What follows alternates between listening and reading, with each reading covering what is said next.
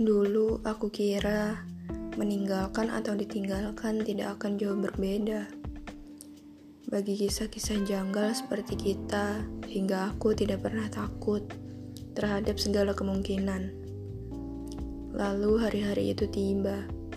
Hari ketika aku menyusuri sungai demi sungai, menenggak bergelas-gelas kopi, melebur tawa dan tangis dalam bejana sepi memaksa kaki tetap tegak berdiri, menyuruh otak mengalahkan hati. Hari ketika aku melawan kenyataan. Terlalu banyak yang belum aku pelajari, bahkan hingga hari ini. Aku hanya mengerti satu hal, meninggalkan atau ditinggalkan. Keduanya patut dirayakan bersama segelas kopi.